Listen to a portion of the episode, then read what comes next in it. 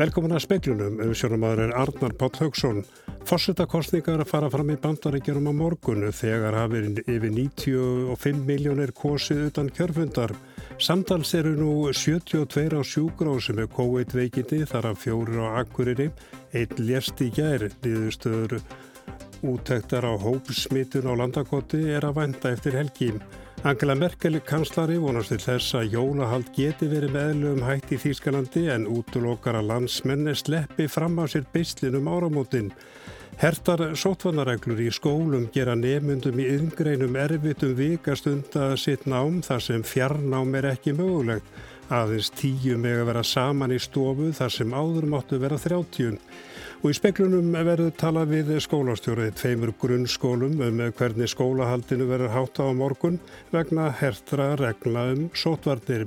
En við byrjum í bandarækjanum, yfir 95 miljónir bandarækjamanna hafa góðs utan kjörfundar í fórsitakostningunum sem framfara á morgun og Ingólu Bjarni Sigfússon fréttamaður er í Pensilvaníu.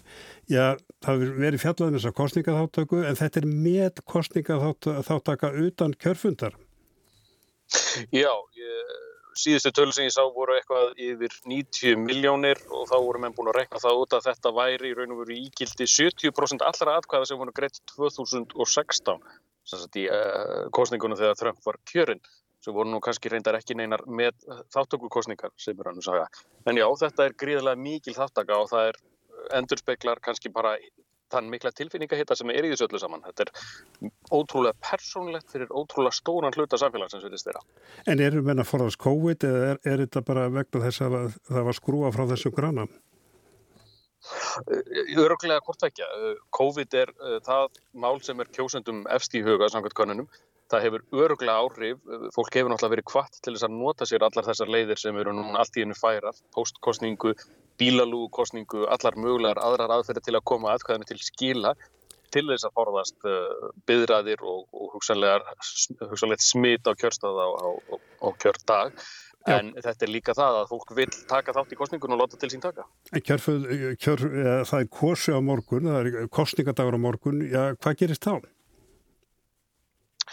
Uh, já, það er eiginlega kannski uh, stór og loðun spurning. Þetta vonandi gengur nú kannski sjálft kjörið eðlilega fyrir sig en spurningin er akkurat núna þegar að COVID-smittum fjölgar mjög hratt hvort að þeir sem ekki hafa greitt aðkvæði veigra sér hjapvel við það, mæta kannski ekkit á kjörstað. Það er eina af þessum svona óþægtu starfum sem að kannanir geta enga veginn náð utanum. Við vitum hvað kjósundur ætla sér, eða teljum okkur að vita það á trúkonunum, en uh, hafa þeir svo þess að uh, greiða aðkvæði í samræmi við það sem þeir ætluðu sér eða þú voru að þeir ekki að fara heimann til dæmis. Ehm, það er eins og er ólíklegt kannski að við vitum niðurstöðuna annarkvöld. En bara östuðt, já, þú hefur fyrst með fórsættið kjöru í bandaríkjónum, já, nokkru sem áður. Það sem er að gerast núna er engu líkt. Er eng, það, það er óhætt að segja það uh, og þetta er eiginlega svona, ég held að orðið sé kannski súrari stemming en ég hef nokkru sem upplifað. Uh, uh, það er heitt en það er líka beigur og fólk hefur áhyggjur af því sem verður gerist í samfélaginu og ég hafði ekki átt að mig kannski á umfangi þess óta á vera í kom. Verðum að ljúka hérna, Ingóla Bjarni Sigfússon, ég þakka ekki hella fyrir og við fylgjumst áfram með þér í bandaríkjanum en þá að allt öðrum.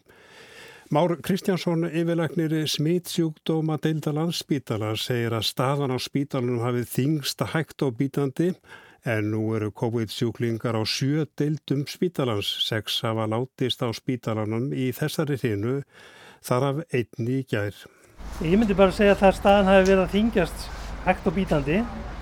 Í, í morgun erum við með 68 einstaklingar inni líkjandi sem eru með COVID en 60, 61 sem eru með virkt smitt.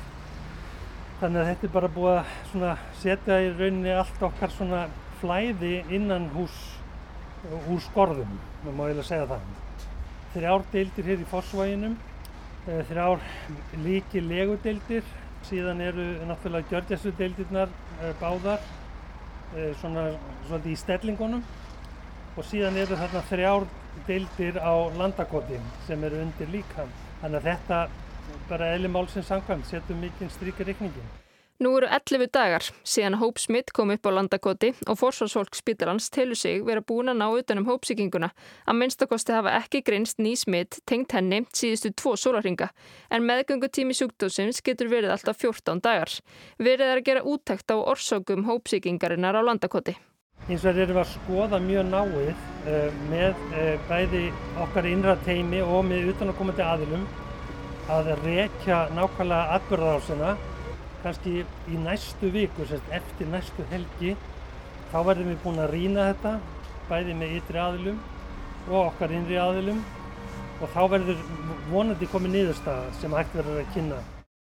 Sagði Már Kristjánsson og hólfröðu dagni fyrir Jansdóttir tók saman. Hertar sótvarnareglur í skólum hafa áhrif á viðveru nefndi yðnámi sem ekki er gott með að stunda námsitt í fjarnámi færri með að koma saman og í hverjum áfangan. Þó útsjóna sem er nefnd og kennara sé mikil þá þurfa þeir að komast í góða aðstöðu og viðegandi tæki eða verkværi. Tækniskólinn er einn fjölumennasti framhaldsskóli landsins. Þar er um 3000 nefnendur. Aðeins hluta nefnenda er kent í staðnámi og allt bóknám hefur meir og minna farið fram í fjarnámi í allt haust. Hildur Ingvarsdóttir er skólamestari í Tækniskólans. Hún segir að áhrifin séu lítil varðandi bóknámskenslu í skólanum. Þess vegar hefur það áhrif í sumum verknámsáfengum þar sem við þurfum að endur aðat allt í nefndum vegna þess að nú meiga þeir bara vera í rauninni nýju sem tilhera einum hópi pluss og kennaranum en þessi tala var áður 30. Flækjustíði sem mest í málm og raf eðingreinum þar sem þörf er á sérhæðum búnaði til kennslu. Hún reikna þó ekki með að fella þurfu niður áfanga vegna aðgerðana. En í einhverju tilvökum þá getur þeim tímum sem að nefnendur fá að koma í hús fækkar.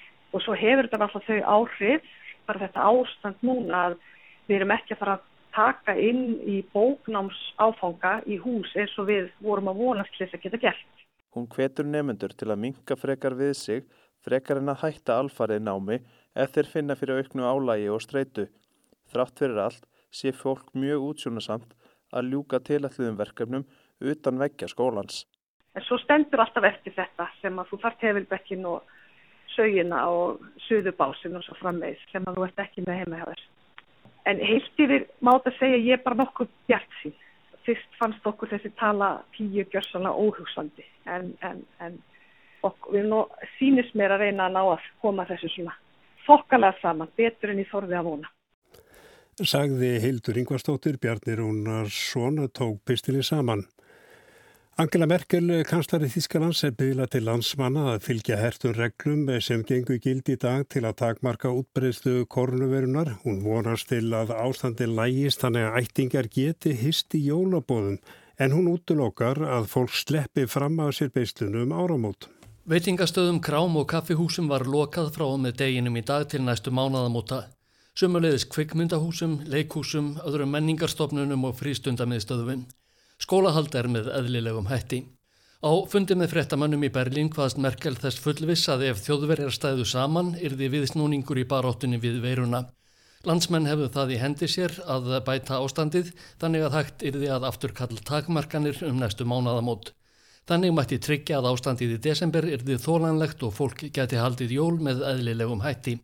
Hún útilokaði þó hefðbundið skemmtanahald um áramótin. 12.097 koronaviru smitt voru greind í Þískalandi í gær. Alls eru þau komin yfir 545.000. COVID-19 sjúkdómurinn hefur dreyið rúmlega 10.500 til döiða í landinu. Áskjör Tómasson saði frá.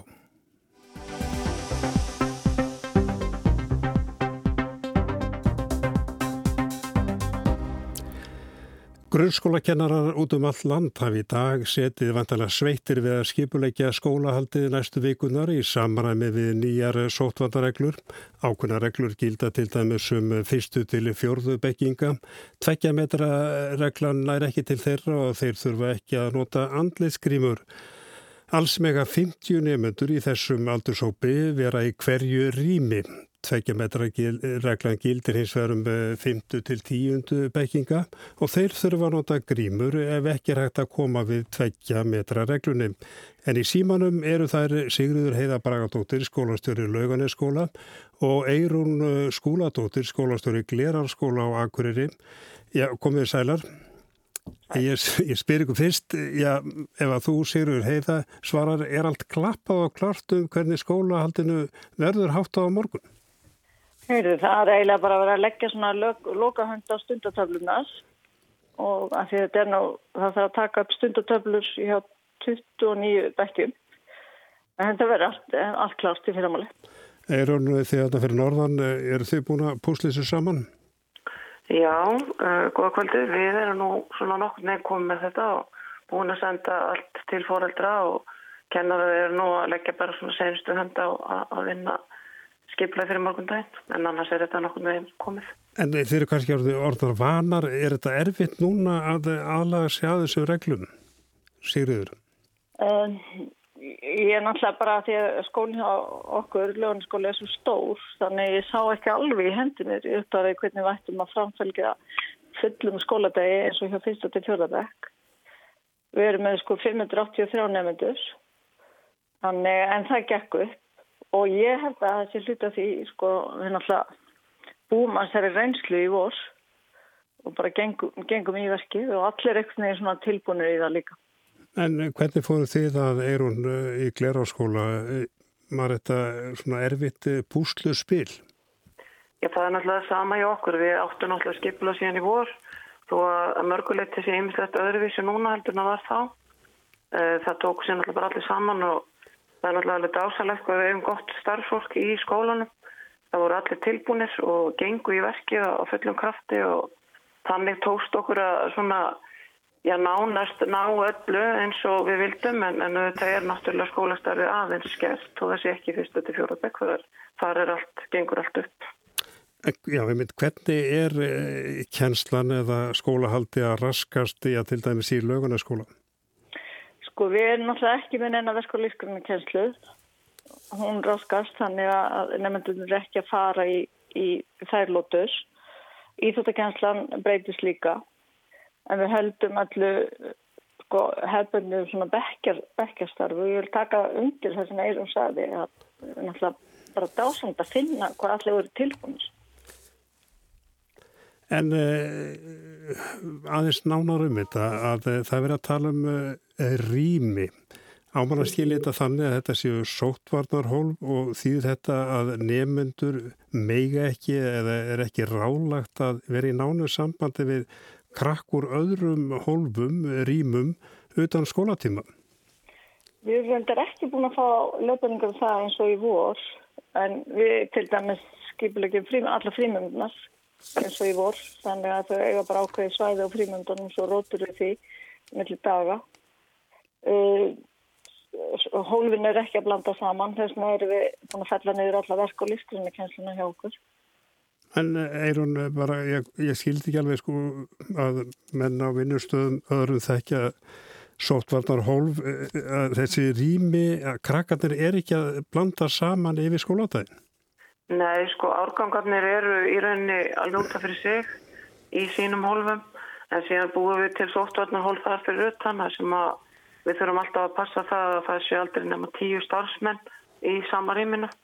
Og það er eins í okkur eins og fyrir sunnan. Við skipulegjum fríminúturnar á mismunandi tíma og mismunandi stöðum og skiptum skólalóðinni og, og þar fram eftir göttunum en við höfum heldur ekki fengið neitt eh, um það að, að uh, skipta okkur eitthvað af því hvernig krakkandi leika sér utan skóla en, en allir á Íslandi náttúrulega hafa bara fengið þar óskir frá yfirvöldum að við séum ekki að blandast okkur hólki heldur, heldum okkur sem einan okkar sveðis. Á sumu vinnustum og þá er vandamál með klósett að þegar það er svona sótvarnarhól. Hvernig ja, gengur ykkur að hérna, skipilegja það? Eða, eða... Við erum búin að skipilegja það. Þannig að hver, hver sótvarnarhólf eða hver hópur á, á bara þessar snýstingar sko. En við erum líka að skipilegja starfið með, í nánu samband við frístund. Því að hóparnir sem að hólfin sem við vorum að búa til verða að halda sig síðan þegar við farið í frístundastarfið. Svo hvernig er það hjá þér? Er hún, það, er, það er náttúrulega svipað hérna hjá okkur, alveg svo við sagði sko að við náðum alveg að skipa ekki að klósit málinn og hérna krakkarnir eru síðan í sínum hólfum áfram í fríslundinu þegar hún tekur við. En ég kannski hef ekki náðu á klósitum, en hvernig náðu því að þurfuð ekki að fara á sama klósti krakkarnir? Nei, við erum náttúrulega líka, sko þetta líka snýra eins og, eins og hjá okkur, við erum svo langsum inn að geðsaleppa að vera með margar færilega kennslistofur á lóðinni og þar eru bara sér klóset fyrir hvert bekk.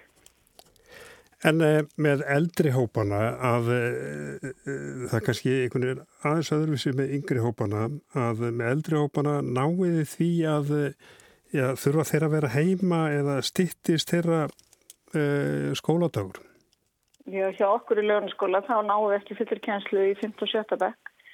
Við getum til dæmis ekki haft þau í mat í hátteginu, 1. til 4. bekkur. Það er allir heita mat en ekki 5. og 7. við getum það ekki.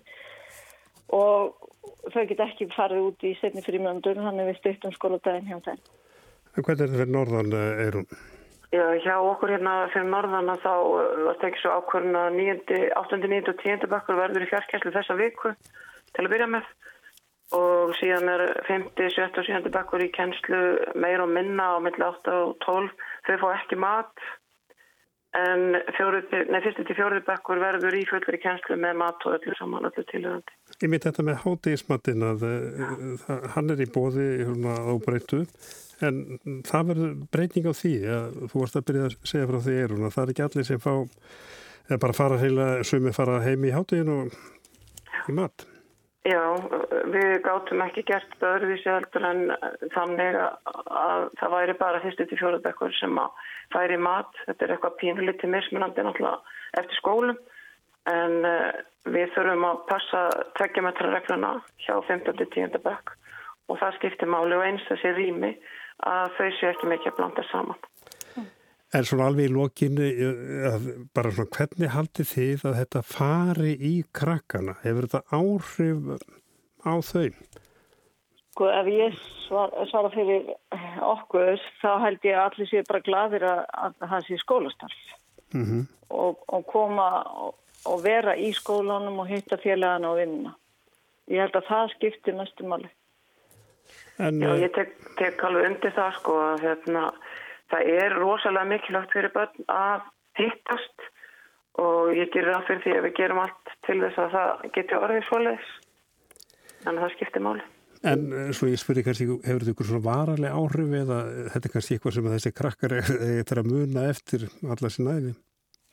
Ég held að þetta sé nú bara tímabili sem allir eiga eftir að muna eftir og, Já, og ég, ég skeini að það í vor hvaða var einhvern veginn mikið takklætti í skólasamfélaginu að skólanir voru opnis og þeir sjáu hvað er að gerast í landunum í kringum okkur það er verið að loka og herða en skólanir eru opnis En hér verður við að láta staðanum með Sigriður Heiða Bragadóttir skólastjóri í Laugarneskóla í Reykjavík og Eirun skóladóttir skólastjóri í Glerarskóla á Akureyri. Þakka ykkur kjærlega fyrir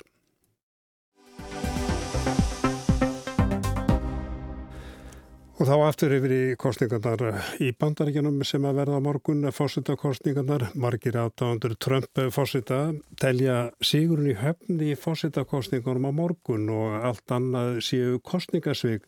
Þeir taka þar meira miða þeim með mikla fjölda úr þeirra röðun sem að haft hefur sig mjög í frammi á kjörfundum og við kjörstaði undanfarnar daga fremur en því sem kann að koma upp úr kjörgársunum þar sem bætin er spáð sigri þótt kjósendur hans láti minna á sér bera. Gjáin á melli tveggja fósitaframbjöfunda og fylgjinda þeirra hefur sjaldan verið dýbri og klopningur bandarísku þjóðurinnar jafn áberandi og nú fyrir vestan þar sem Jón Björgvinsson fréttaritari Rúf er að fylgjast með já, sínum fjörðu fósitakostningum. Það er margt með svo lítið öfugum formerkjum hér í bandaríkjónum. Í fótbolta hlaupa mennum með boltan í höndunum, forrétturinn á matselunum er í raun aðalréttur, það má beigja til hægri á rauðu, akka fram úr hægramegin, ramagnið er öðruvísi, hítastíð er annað, dagsetningar eru skrifaðir í annari rauð, þeir sjá ekkert mun á 99,99 dólarum og 100 dólarum á vermiðunum og laun þjóna eru ekki innifælinn þegar þú borgar fyrir veitingar. Lítur hægri sinnaðara er rauður á meðan þeir vinstra megi við þá takna sem er bláu og merki þeirra eru fíl annarsvegar og astni hinsvegar frekar en, já hvað hefur að segja, amerískur örn eða fjallaljón. Politíkin hér virðist ekki gangi út á að upphefja frambjöðundur heldur fremur út á að sverta anstæðinga þeirra með öllum ráðum og í staðin fyrir að velja republikanaflokkin sem losaði þræla úr ánöð þá flikja afkomundu þeirra sér ekki um hann heldur um hinflokkin, demokrataflokkin. Og sá sem fær fleiri atkvæði í forsettakostningum, jafnvel í miljónavís, getur tapað þeim fyrir anstæðingi sínum. Með þetta í huga þarf ekki að undra að í augum margra bandaríkjamanna þykir það eðilegt þótt okkur þykir það framandi að í fórsettakjöri hér standi valið á milli að því er viðist elli er skamalmennis sem stundum hann ekki nafnið á gagn frambjónda sínum annarsvegar og einhvers konar átrúnaða góðs hinsvegar og Conny er alls ekki svo eina sem það hefur náðað neppa í sínar álögur. Just to see him to me is like seeing God. To me he's above anybody else. Að sjá hann er eins og að sjá Guð byrtast. Hann er öllum öðrum önnum fremri. Það verður aldrei annar Donald Trump. Þannig með ég fórsetar minn. Ég sopna og vakna með honum, fyrir sturtu með honum, allt. Everything.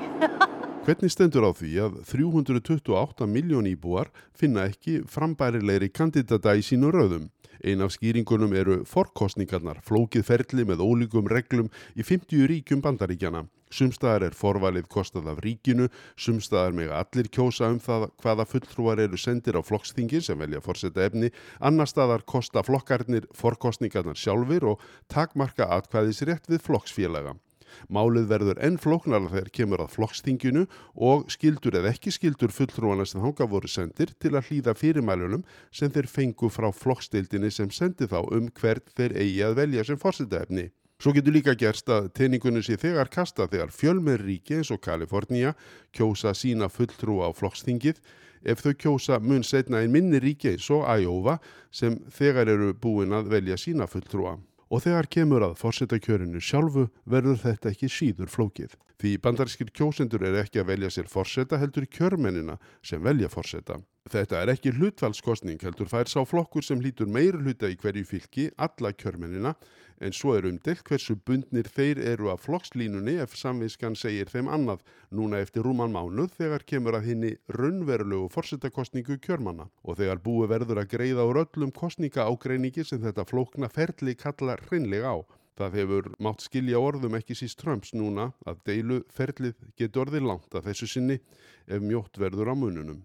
Vegna COVID hefur nú þrýðjungur bandarískra kjósenda valið að kjósa utan kjörfundar sem Donald Trump sítjandi fórseta er mjög illa við og telur mein gallað í framkvæmt. Tvísvar á þessar öld hefur frambjóðundin með meiri hluta atkvað ekki nátt kjöri vegna þessa fyrirkomalags. Bandaríkja menn eru enn að ná sér eftir óvænt úrslit hér fyrir fjórum árum og því hafa nokkur ríki þegar bundið samtökum um það að allir kjörmenn þeirra greiði þeim frambjóðanda atkvæði sem hlýtur meiri hluta atkvæða á landsvísu frekar en í þeirra heimafylki. Þetta er einn af óvissu þáttanum sem gætu haft áhrif á úrslitt kostningan á morgun þegar á þetta reynir í fyrsta sinnum. Tveggja flokka kerfið í bandaríkjónum veldur skýrar í klopningi en við sem lifum í mark flokka kerfi eigum að venjast og ekki bætir það ástandi þegar frambjóðindi annars flokksins heitir Trump. My mother knew that I was voting for Trump and was angry at me, called me up, cursed me out, and hung up on me. I have uh, two uh, older sisters and older brother. They're all Biden supporters. It's driven a wedge between my family. They don't even invite us over for like family functions or anything anymore. Þegar móði mín frétta ég ætlaði að kjósa Trump varð hún æfa reið og ringdi í mig, útúðaði mér og skellt á. Og fjögur sískinni sem eru öll Biden fylgjendur.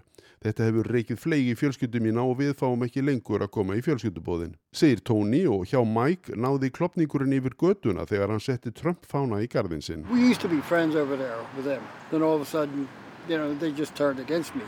Started calling me names and stuff. Then they started harassing me and stalking me. Við vorum vinir en allt í hennu sneristu gegn mér, kvölluðu mig öllum yllum nöfnum og sátu mig og áreittu, segir Mike. Núna á COVID-tímum er gjáinn jafnvel sínilega á frambóðsfundum og víðar. Harðir Trump fylgismenn bera ekki andlis grímur, þóttir sapni saman jafnvel í þúsundatali og meðan Biden fylgjendur hlusta á frambjóðanda sinn sitjandi með grímu í bílun sínum. Frambóðsfundir þeirra frambjóðanda eru nokkus konar drive-in bílabíó til að koma í veg fyrir smitt. Sundruð stöndum vér geti því verið tákratna slagor fyrir þessar fórsetakostningar en samenuð stöndum vér. Þessi sundrungna er nú alla leiðin á bandariska þingi sem sittur hálf frósið á milli meira hluta demokrata í fulltrúadeildinni og republikana í öldungadeildinni sem líka verður kosið um að morgun í sumum ríkjum. Völd hæsta réttar landsins og ekki síður fórsetans hafi því verið að aukast og átökjunum hverjir sitja í þeim stólum að samaskapi. Augumanna hér í bandaríkjónum beinast við ekki bara að úslitum fórsetakostningan á morgun, heldur ekki síður að því sem kann að gerast að þeim loknum. Þar sem hvor kann að saka hinn um kostningasvík í kerfi sem gerir almenningi ekki sérlega auðvelt að velja sér sinn aðsta embættismann. Og þá til spánar ferðartakmörkunum og útgöngubanni á spáni var mótmælti í að mistakosti 15 borgum vísvegur og landi í gerkvöldu og í nótt. Meira en 60 mótmælendur voru handtegnir og að annað tug lauruglumanna slasaðist í mótmælanum.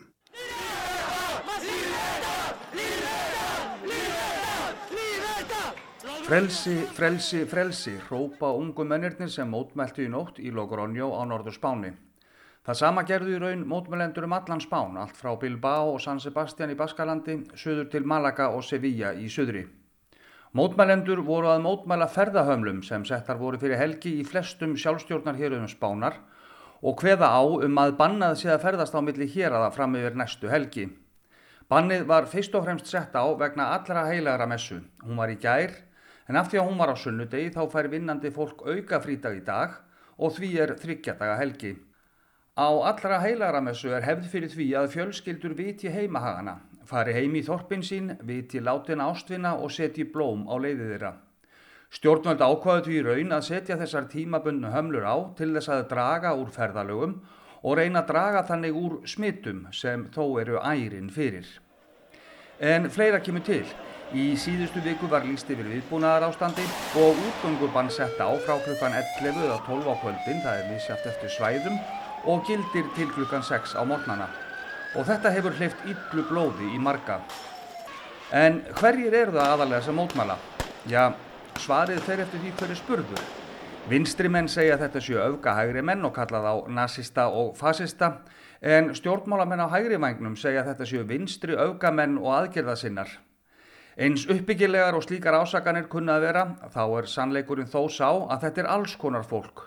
Aðalega þó ungt fólk en í hópi mótmælenda má finna venjulegt fólk sem hefur mist vinnuna, veitingahúsa og hóteleigandur, sjálfstæði sinna Baska og Katalóna, afneitunar sinna, fótboltabullur og svona mætti lengi telja.